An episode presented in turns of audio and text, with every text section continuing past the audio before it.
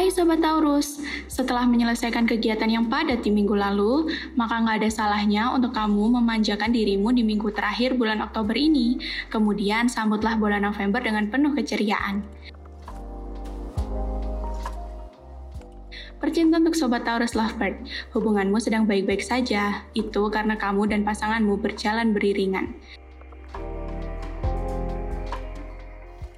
Percintaan untuk Sobat Taurus yang masih single, jangan kegama alias gelisah kalau merana jika cintamu baru saja bertepuk sebelah tangan.